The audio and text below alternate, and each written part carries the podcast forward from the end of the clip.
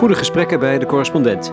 Ditmaal met Gert Hekma, docent homo-studies over homo-emancipatie en de radicale omslag in de jaren 50.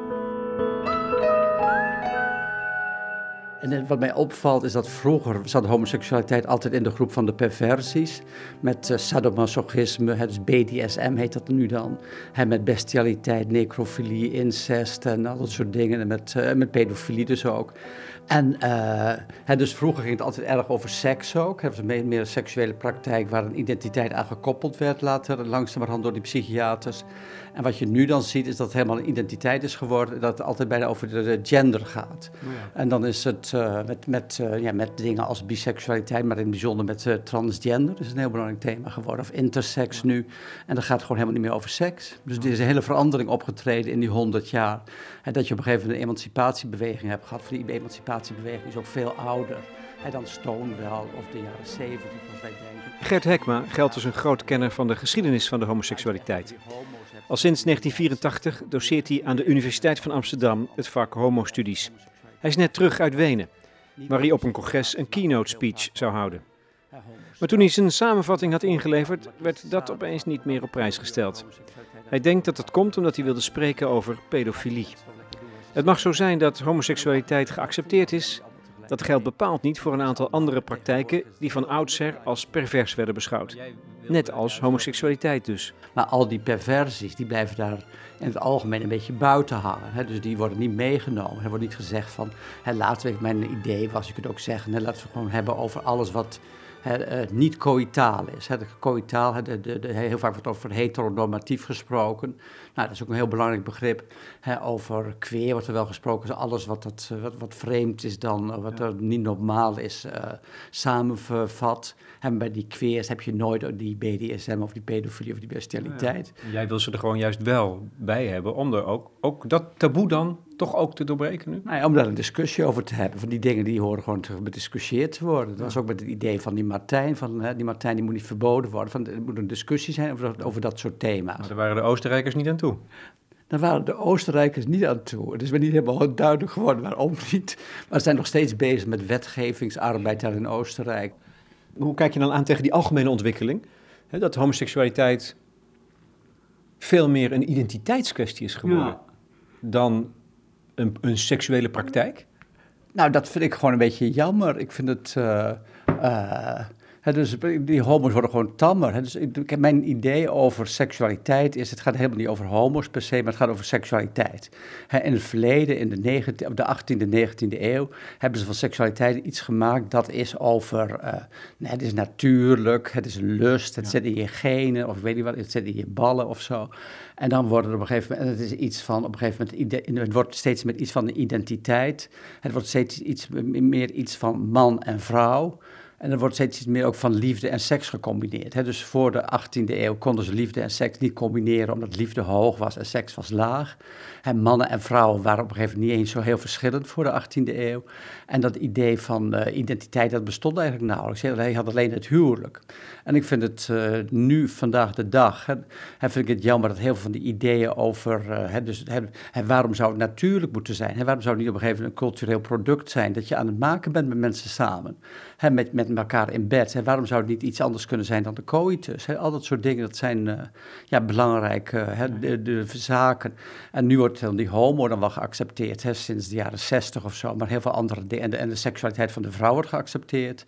Er komt steeds meer ruimte voor een diversiteit aan genders. Maar ja, op seksueel gebied het is het nog steeds moeilijk in Nederland. Ik zeg heel vaak tegen mijn studenten van... Hè, Nederlanders zeggen altijd dat ze heel erg uh, accepterend zijn op het gebied van seksualiteit.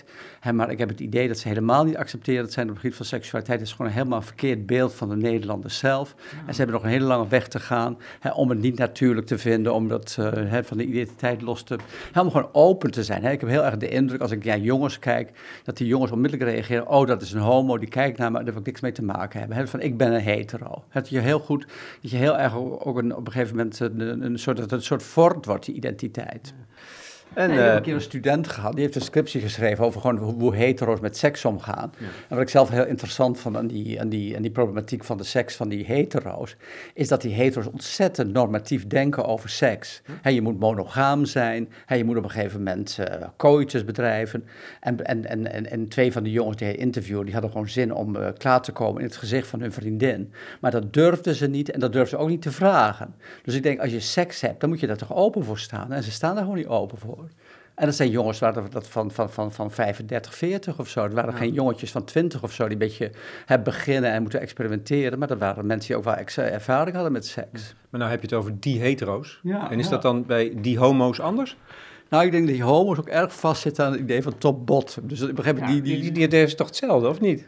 Ja, dat is hetzelfde wel een beetje. Maar ik denk dat homo's iets meer uh, ruimte hebben voor seks. Van die, als je ook, ook, op Tumblr kijkt, dan heb je ook nog heel veel mensen die zich uh, bezighouden. Dat vind ik ook interessant, hè? die hele uh, tegenstelling tussen wat digitaal gebeurt en wat in de werkelijkheid gebeurt. Hè? Dat, dus mensen heel erg bezig zijn met, nou ja, met allemaal dingen, zo, allemaal, allemaal gewoon vieze dingen ook op internet. Hè? Wat, wat de, mens, de meeste mensen denken over heel veel vormen van seks als hè, bestialiteit of poepseks of pedofilie.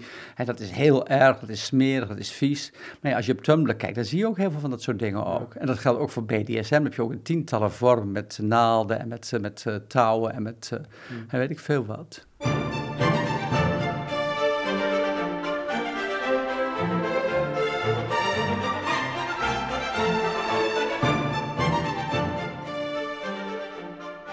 Laten we dan, Gert Hekma, na deze introductie, ja. deze korte introductie op het onderwerp, Ehm, terug naar de jaren 50 gaan. Eigenlijk is mijn opdracht eh, hier om met jou te praten over de jaren 60, 70. Want dan, dan, dan gaat er iets open, dan gebeurt er iets, het verandert. Maar misschien is het wel interessant en daarom heb ik ook ter voorbereiding jouw eh, boek gelezen, De Roze Rand van Donker Amsterdam. Geschreven samen met een aantal anderen en op basis van veel interviews. Eigenlijk moet je even terug naar de jaren 50. Hoe was het, hoe was het toen? Kan je daar een beeld van geven? Hoe, ja, dat weten we natuurlijk niet, maar op een gegeven moment kunnen we wel zeggen dat het, het was een zwarte tijd. Hè. Ik, ik, ik zeg altijd van de, de, in Nederland van 1911 tot 1971, hè, in de tijd dat er een, een wet was eh, tegen uh, homoseksuele relaties van meerderjarigen met minderjarigen. Dat was zowel lesbisch als homo man. En dat was 21 jaar, was de leeftijd van volwassenheid. En was er een, nou ja, een zwaar taboe. Hè. Dat was een, een, een, een, gewoon een artikel in de wet. Het was moeilijk in de in de psychiatrie. Hè, dus op een gegeven moment werden homo's gezien als zieken.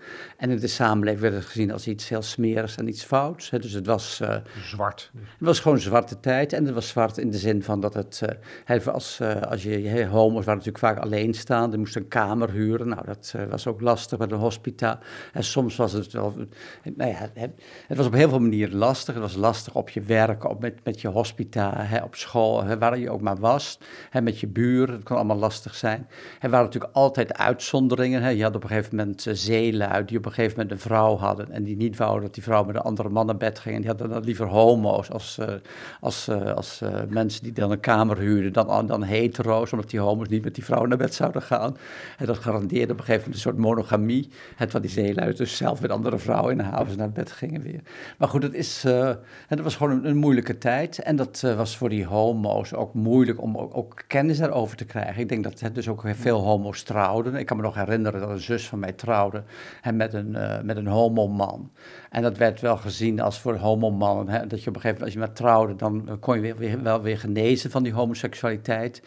Hè, dus je hebt heel veel van die... Uh, nou ja, heel, veel, heel veel tragiek ook, denk je? Ja, veel tragiek ook, zeker. Van op een gegeven moment, zeker als je op een gegeven moment in de gevangenis kwam... of als op een gegeven moment je vrouw ontdekt dat je homo was. Hè, dat was heel veel tragiek. En die tragiek die gaat tot op vandaag door. Van ik heb een keer een... Uh, heeft hem, uh, werd ik gevraagd voor het Tilburgse Dagblad of zo... om daar een uh, commentaar te geven op een man... die dan na de dood van zijn vrouw eindelijk uit de kast was gekomen... op zijn tachtigste of zo, of zijn zeventigste. Die had wel altijd wel, wel heet dat nou, sauna's en dat soort dingen bezocht. En die man, nou ja, dat was nog niet eens zo lang geleden. En die was dus met een, uh, met een, uh, nee, gewoon met een vrouw getrouwd, had kinderen gekregen. Nou, dat was dus een tragiek in die familie voor die vrouw en voor die kinderen ook wel een beetje. En toen uh, later bleek dat op een gegeven moment ook nog een dochter van die man ook weer met een homoman was getrouwd. Hè. Dat was dus veel recenter nog. Dus dat, ja, die tragiek, die gaat, en die bestaat ook nog hè, op, op, de, op de Bible Belt, hè, in de, ja. nee, hè, in de, in de, op de Veluwe. En die bestaat ook nog op een gegeven moment op, nou ja, in, die moslimkringen, hè, of allerlei religieuze kringen. En die bestaat ook nog, hè, dat op een gegeven moment kun je zien, hè, dat heel veel homo's in Nederland, hè, die worstelen drie jaar met hun homoseksualiteit. Het is niet voor niks dat dat gebeurt. Of dat is toch, hè, wat is daar aan de hand? Ik heb een jongen gesproken, was een student, die zei, mijn ouders accepteerden het, mijn school accepteerde het, hè, mijn, eh, mijn vrienden accepteerden het. En toch is het, was er iets mis voor mijn gevoel. En is dat dan een, een, de erfenis van het verleden, die, die doorwerkt decennia lang. Ja, je kunt wel zeggen, nou, we accepteren het of we schaffen de wet af. Maar het werkt door. Ja, ik denk het wel dat het doorwerkt, ja. En wat ik denk vaak is dat er gebeurt, dus ik heb wel eens een keer ook een student gehad die dan over de coming out heeft onderzoek gedaan. Nou, het opvallende was dat hij geen jongeren onder de 18 jaar die nog bij hun ouders woonden kon interviewen. Die ouders zeiden, die waren allemaal bang dat hij als een oudere student van 23 gewoon in seks geïnteresseerd was. Dat mag niet dan, want dat is gevaarlijk. Het, ja, dat, ja, ik weet niet of je dat van plan was, maar ik denk het niet. Maar dat is, een, dat is al een rare vooronderstelling dat je dan onmiddellijk gaat denken dat iemand je zoon interviewt die onmiddellijk uh, als homo geïnteresseerd is in seks met die jongen. Maar die ontdekt dat de meeste moeders, die voelen wel aan dat er iets met die zoon is. Die vinden die zoon vaak vrouwelijk. Dat is altijd het thema van die moeders. En dat, uh, dat die jongen een beetje anders is. Dat hij een beetje meer uh, van, de, van, nou ja, van het vrouwelijke is. Wat natuurlijk heel opvallend is. Dat van die jongens zijn natuurlijk alleen maar geïnteresseerd in mannen. Die moeders zeggen het nooit tegen die jongens. Die zeggen hooguit, het is niet erg als je homo bent maar goed, het geeft wel aan dat het iets ergs met homo zijn is. En dat, die, dat, die boodschappen, die, die pikken ze op. En vervolgens is er een, uh, een uh, zijn die jongens ontdekken zelf dat ze homo zijn, omdat ze in mannen geïnteresseerd zijn. Die ontdekken dat ze in mannen geïnteresseerd zijn. En dan...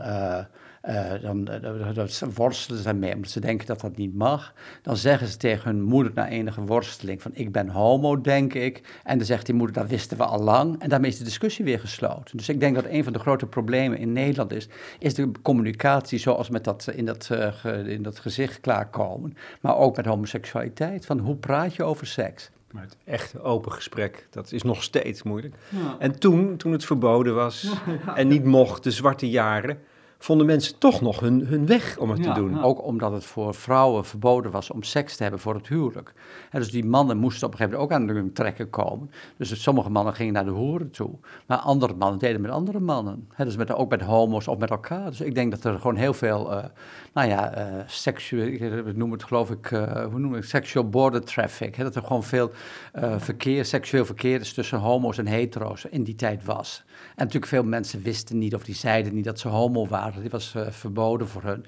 Dus die, die, gingen niet naar een urinoir of naar een park. En die zeiden: Ik ben homo, dus ik heb zin in seks met jou. Maar die gingen gewoon naar bepaalde plekken waar die seks te vinden was. Zonder dat het op een gegeven moment benoemd hoefde te worden, per se.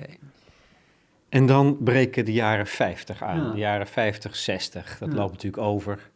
Ja. Um, met terugwerkende kracht zijn dat extreem saaie jaren geweest. Ongelooflijk burgerlijk. Maar juist dan begint ook in de homogemeenschap begint er iets te, te veranderen, te broeien. Ja.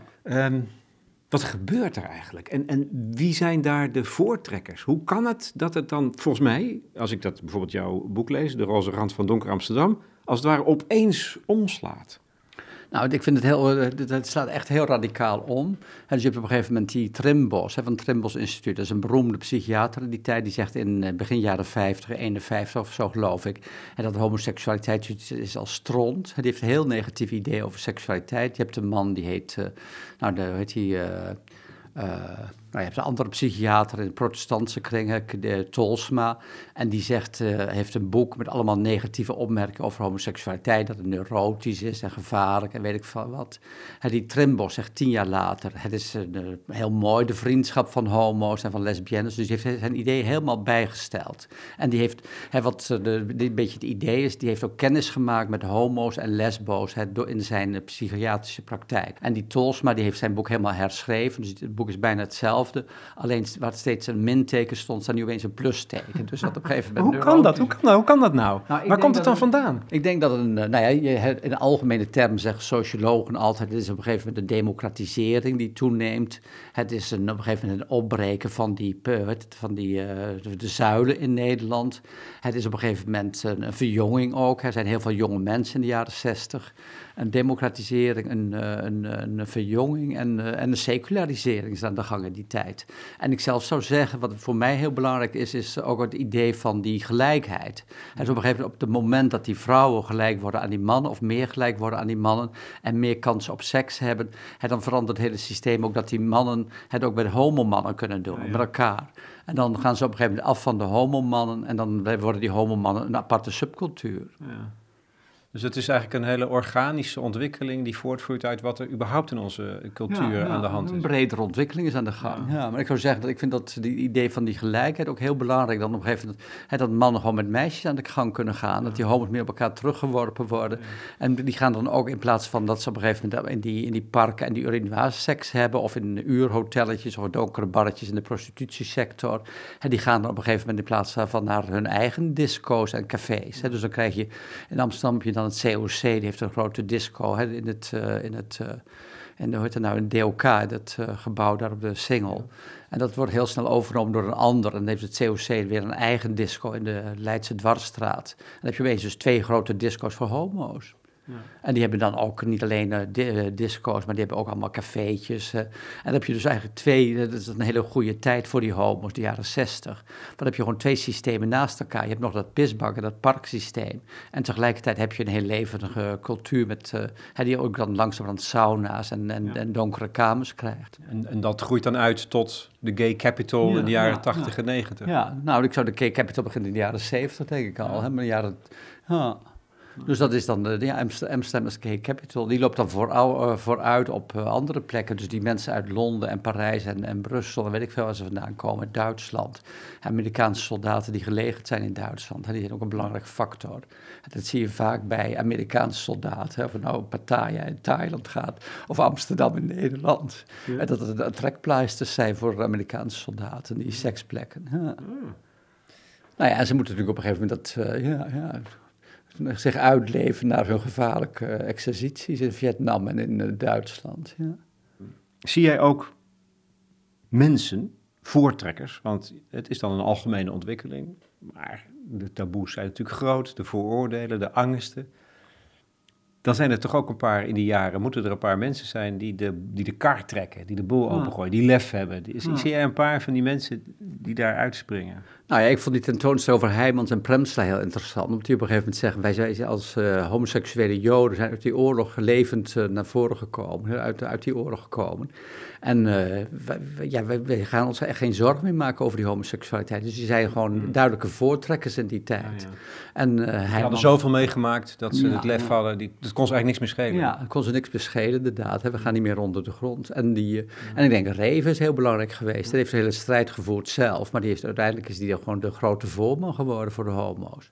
Jij bent zelf van 51, Ja, dus dan maak je die, eh, ja, die wonderlijke jaren 50 mee. ja. Hoe gaat het dan met jou in die, in die periode? Eh, hoe het met mij gaat? Nou ja, dat heb ik wel eens een keer opgeprobeerd te schrijven, hoe het met mij gaat. Maar ik... eh, Was dat moeilijk om het op te schrijven? Je zegt, ik probeer het op te schrijven.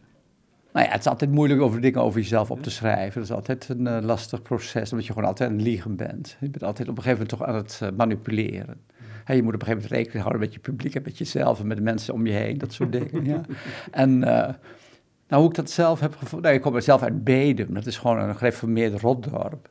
Dus ik heb wel eens een keer ook een interview met Emma Brunt gedaan voor de Parool over weg uit Bedum, dat dat een soort redding was, ja. Waar ligt het ook alweer, Bedem? Dat is ten noorden van Groningen. Dat is niet de, de, de, de Bijbelbelt, maar het is wel echt een Bijbelbeltachtige dorp is dat. Jij mocht absoluut niet homoseksueel zijn. Eh, nou, bij mij was het iets anders, omdat een eh, zus van mij bleek getrouwd te zijn met een homo, net eh, rond die tijd dat ik... dus dat was... eh, dat was op een gegeven moment, dat we, een, toen realis- realiseerden mijn ouders zich op een gegeven moment wat het negatieve consequenties konden zijn van als het huwelijk werd aanbevolen. Ja, Want dat Nee, ging, maar- niet, dat ging niet goed. Dat zagen je ouders ook. ja, ja, dat ging totaal mis, ja. En jij zag dat ook. Uh, ik zag dat ook. Ja, ja. Nou ja, kijk, op een gegeven moment, kijk, als je in zo'n dorp leeft, hè, je, hebt, je hebt altijd seksualiteit. Hè, er is altijd, uh, gebeurt er iets. Dus uh, in dat dorp ja, je leest wel eens iets ergens of zo. Of ik kan me herinneren dat op een gegeven moment de jongens van het dorp, een van de jongens zat op de ambachtschool in Groningen. En die zei, god, die vieze flikkers, die liggen gewoon de, slootkant met elkaar te neuken of zo. En toen dacht ik, wat zegt die jongen nou, wat gebeurt er nou, waar is die slootkant?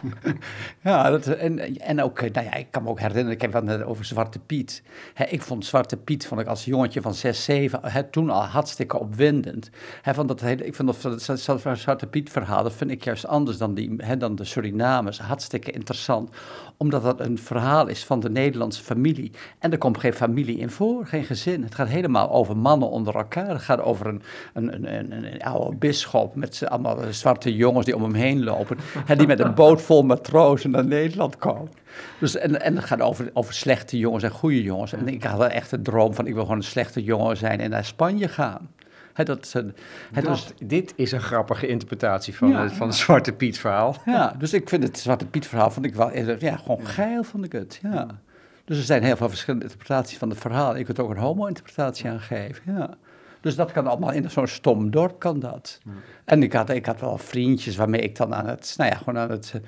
Ja, gewoon aan het beetje cowboy spelen was. Hè. Dat was ook met bondage en dat soort dingen. Dat vond ik ook allemaal heel leuk om te doen. Dan ontdek je dat het opwindend is. Dat vond ik zeer opwindend. En de jongens vonden het niet zo opwindend, maar ik vond het wel opwindend, ja. En je uiteindelijke coming out? Nou ja, op een gegeven moment was het makkelijk gemaakt door, die, door dat, dat, geval dat voor mij kwam van die zus met die uh. En dat, uh, nou ja, dat, heeft, uh, ja, dat kostte enige tijd om dat te doen. En, maar dat was ook niet, ja, in die tijd was het ook, misschien was het ook wel een beetje zo van dat het, uh, ja, moet je nou die coming out doen, vragen mensen vaak. En voor mij was het tamelijk, uh, nou ja, ik deed geen coming out zo snel, maar ik was wel met die jongens bezig al, dus dat... Uh, je, de, je, deed het gewoon, hè? Zonder, ook zonder, zonder het zeg maar een manifest te publiceren naar je ouders of je vrienden van ik ben homo. Nou, ik vind het wel goed dat er een manifest gepubliceerd wordt, gewoon duidelijk gemaakt wordt ik ben homo, hè, al die verhalen. dat heb jij ook gedaan? Ja, heb ik ook gedaan, ja. ja. En hoe ging dat dan? Nou, ik vond het eigenlijk het meest interessant wat er gebeurde. Ik zat in Amsterdam bij een van de, bij het, eigenlijk bij het VU-korps. Ik zat daar niet in het VU-korps, maar ik kende die jongens van het VU-korps wel. En met die jongens kon je ook wel seksen. Dus dat was op een gegeven moment, er gebeurde wel van alles zonder dat het homoseksueel benoemd werd. Die, die, jongens waren ook nieuwsgierig, die waren ook aan de seks. En die deden het soms met meisjes en soms met jongens. Dus ik denk dat er ook een hele fluïde wereld bestaat, hè, waar je niet op een gegeven moment eh, per se hoeft te zeggen, ik ben homo. Hè, omdat het gewoon, ja, de, nou ja, nee, maar wacht even. Je zei juist, er moet toch een manifest komen. Ook voor jou. Voor nou, Gert Hekma, die heeft dat ook moeten doen, toch?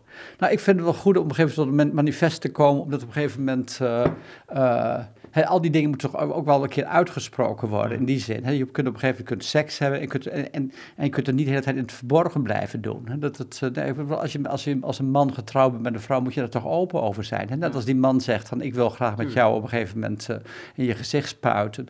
doe dat dan, of, of, vraag dat dan. Dus in die zin is er communicatie nodig bij de seks.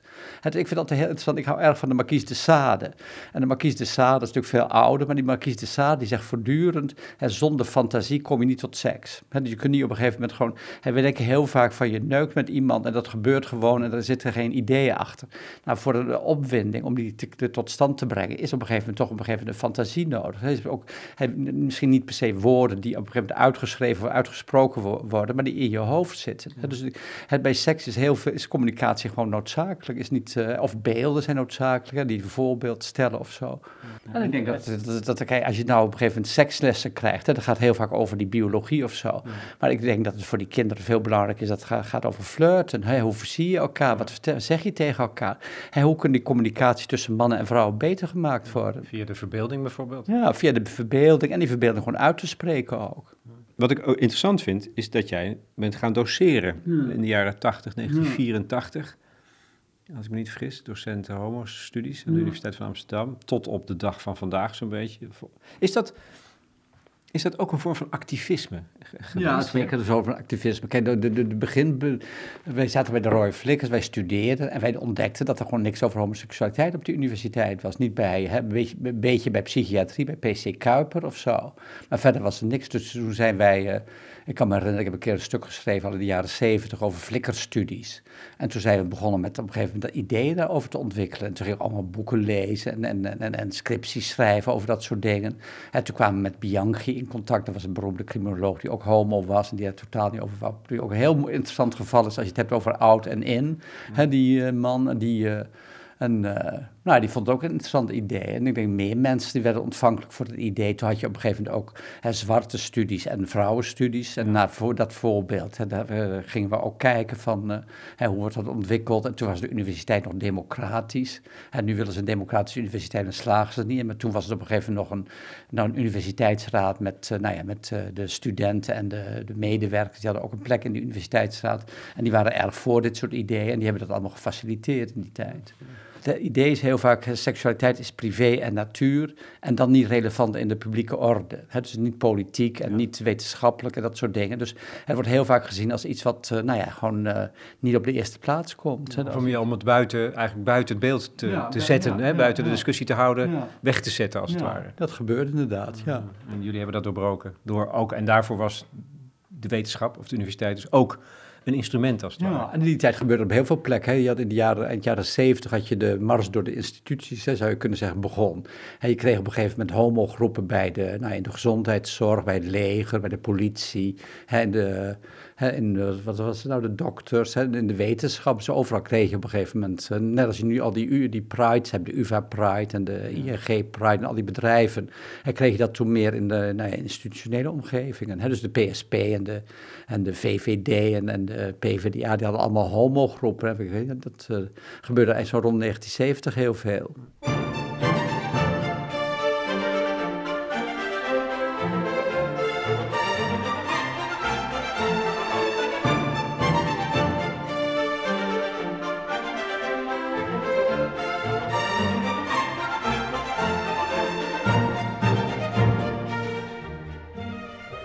Wat is er dan tot slot, Gert Hekma, veranderd in deze jaren?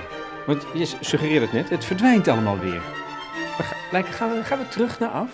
Uh, nou, ik denk, nee, we gaan zeker niet terug naar af, we gaan naar een andere wereld. Zo in deze wereld is de homoseksuele identiteit en de lesbische identiteit en ook die van de transgender, en die wordt steeds meer geaccepteerd. Hè. Dat is een hele goede positieve ontwikkeling. Er zijn heel veel positieve goede ontwikkelingen. Maar ik zou zeggen, met die seks is het ook nog eens nog. Is het, ja, blijft het steeds moeilijk nog. Dat ik denk dat in de communicatie over seks. Ja, ik maar denk je suggereerde dat, het, dat we er als het ware weer minder en minder vorm aan geven. Hè? Ja, met, ja. We praten het over de jaren 60, 70, Ja, met name ja. 70. Dan komen al die groepen en de, de organisaties die zich ervoor inzetten. Waar is dat? Nou ja, dat verdwijnt heel veel. Ik eh, was in, een, eh, in Wenen en had je een geweldige homoboekwinkel. Omdat die boekwinkels, je hebt heel veel boekwinkels in Wenen. Ik was helemaal eh, ver, verbijsterd over. Ik vond dat die boekwinkel niet zo, die had heel veel boeken, maar niet zoveel boeken, omdat ik veel boeken wel zelf al heb. Nu Niet, geen nieuwe dingen of zo, maar toen was ik later in een soort art bookshop. Eh, de, en waar hadden allemaal queere dingen hadden ze daar. Die jongen die hadden zo 20, 30 boeken die ik nog nooit gezien had voor de, voor de tevoorschijn in zijn boekwinkel. Dus dat vond ik heel grappig om te zien. Maar heel veel van die dingen die, die verdwijnen hier. Dus ik denk, hè, je had vroeger allemaal groepen rond bijvoorbeeld rond religie. Hè, de katholieken en eh, pastores en dat soort dingen. Die zijn allemaal footsie. Dus, en eigenlijk de homostudies is ook footsie na mijn vertrek aan de universiteit. Hè. Dan krijg je op een gegeven moment, heb je, dan heet het seks en gender. Het wordt, het wordt meegenomen in algemene dingen, maar het gaat dus eh, seks en gender. Het gaat heel weinig over seks en veel meer over gender en identiteit. Dus in die zin verandert er iets. Dus dat, eh, Dus hoe moet dat nou als je, hoe moet dat nou als jij weggaat? nou ja, de mensen... Wanneer ga je weg? Het, het, het najaar, nu. Ja, nu ben je ja. weg, toch? Over een half jaar ben ik weg, zoiets. En die, maar wat is er nog meer aan de hand? Ik, we- het, is op een gegeven moment die homo's die zijn geaccepteerd, maar er zijn altijd wel condities. Ik heb heel erg de indruk dat die homo's zich heel erg controleren om niet op een gegeven moment te veel op te vallen of eh, uit, de, uit, de, uit de toon te vallen. Dus ik geloof, dat iets, hebt een keer een onderzoek gehad, je hebt allerlei onderzoeken van de, de SCP tegenwoordig over homoseksualiteit. Dan heb je altijd een van de thema's die naar voren komt, is dat de hetero's niet accepteren dat twee homomannen op straat staan te kussen of zo. Maar een van de opvallende dingen die ik zelf vond, was dat 50% van de homo's zich downdressed, hè, dus op een gegeven moment zich acceptabeler kleden als ze de straat op gaan. Dus ik denk dat er heel veel normalisering plaatsvindt, heel veel op een gegeven moment uh, aanpassing aan de omgeving. dat, maar dat is, dat is volgens mij ook iets wat, wat de samenleving in de, in de greep krijgt. Een normalisering die je overal kunt waarnemen. Ja, ja. Ik denk dat die samenleving in het algemeen op een gegeven moment, hè, dus normaliseert, maar dat je op een gegeven moment ook steeds in het algemeen moeilijker over seks gaat doen. Je krijgt ook steeds, je hebt steeds al die schandalen. Ik denk dat een van de grote problemen is, hoe gaan we met jongeren om en seksualiteit. Hè? Dat zie je met die, op een gegeven moment met die, uh, met die uh, hoe heet die, uh, de lover boys, hè? met die, die, die banga-lijsten dat, dat meisjes op een gegeven moment uh, sext, sexten op, op hun mobieltje, dat soort dingen. Hebben ze heel veel angst op een gegeven moment over de seksualiteit van jongeren. Dat die uit de, de, uit de, uit de, de bocht schieten. Terwijl wij in een over geseksualiseerde samenleving qua beeldcultuur uh, leven. Ja, maar dat is toch een wonderlijke paradox? Hoor? Ja, dat is een wonderlijke paradox, ja. Dus hoe gaan we nou eigenlijk om met die... Uh, en hoe gaan die kinderen zelf om met hun seks? Ja, dat ben ik, zou ik ook erg... Ja, dat zijn ingewikkelde... Er gebeuren ingewikkelde dingen. Van, ik heb de indruk, kijk, al die, die, die, die, die, die zogenaamde Vinex-wijken of zo... of al die buitenwijken van Amsterdam... Hè, daar wordt er gewoon volgens mij heel veel tussen al die kinderen wordt er gesext ook. Hè. En ik denk dat het heel vaak weer ook gaat in allerlei, allerlei bepaalde vormen maar ja, daar weten we niks van. Ik heb de indruk dat hè, Marokkaanse jongens, die mogen niet met hun Marokkaanse meisjes doen. En die gebruiken dan witte meisjes voor de seks en Marokkaanse meisjes voor het huwelijk. Hè. Dan krijg je weer een scheiding van seks en liefde ook. Maar ik denk dat de meeste kinderen, dat gewoon als je het hebt over non-coïtaal, dat meer dan 50% van de jongeren op een gegeven moment non-coïtaal is. dat heel veel meisjes hebben geen zin in coitus. die willen liever eh, gelikt worden. heel veel mensen zijn BDSM of die zijn op een gegeven moment niet zuiver man of vrouw. En dat zie je steeds meer naar voren komen. En wat gebeurt er met al die mensen? Kijk, ik zeg dat het heel opvallend is als je het hebt over die homoseksualiteit. Ze zeggen steeds in die surveys van de Rutgers Stichting bijvoorbeeld, dat op een gegeven moment, en die enquêtes over seks, dat op een gegeven moment iets van 8% van de, van de jongeren is tegenwoordig homo of lesbisch of misschien biseksueel. Dat wordt misschien iets hoger het aantal. Maar als je het over BDSM hebt, zijn gewoon 10% van de jongeren is BDSM. En zo'n film als Fifty Shades of Grey, zo'n boek, dat is een miljoenen eh, publiek is dat. En wat, ik denk dat heel veel verlangens eigenlijk gewoon in het, uh, in de, gewoon uh, blijven steken. Dat mensen allemaal verlangens hebben en ze doen het niet. Ik denk dat, hele, de hele, de hele de brede scala van mogelijkheden zou gewoon veel meer erkend moeten worden en ruimte voor moeten komen. En niet alleen zo focussen op die stomme hetero-toestanden. ja. Kortom, allemaal ontwikkelingen, er gebeurt heel veel. Laten we er vooral heel veel over blijven praten en discussiëren, ja. communiceren. Over denken en ook doen.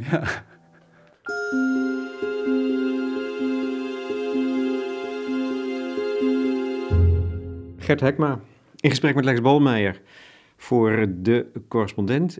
Dat is in het kader van de roze redactie. Dankjewel. Ja, dank je ook, ja.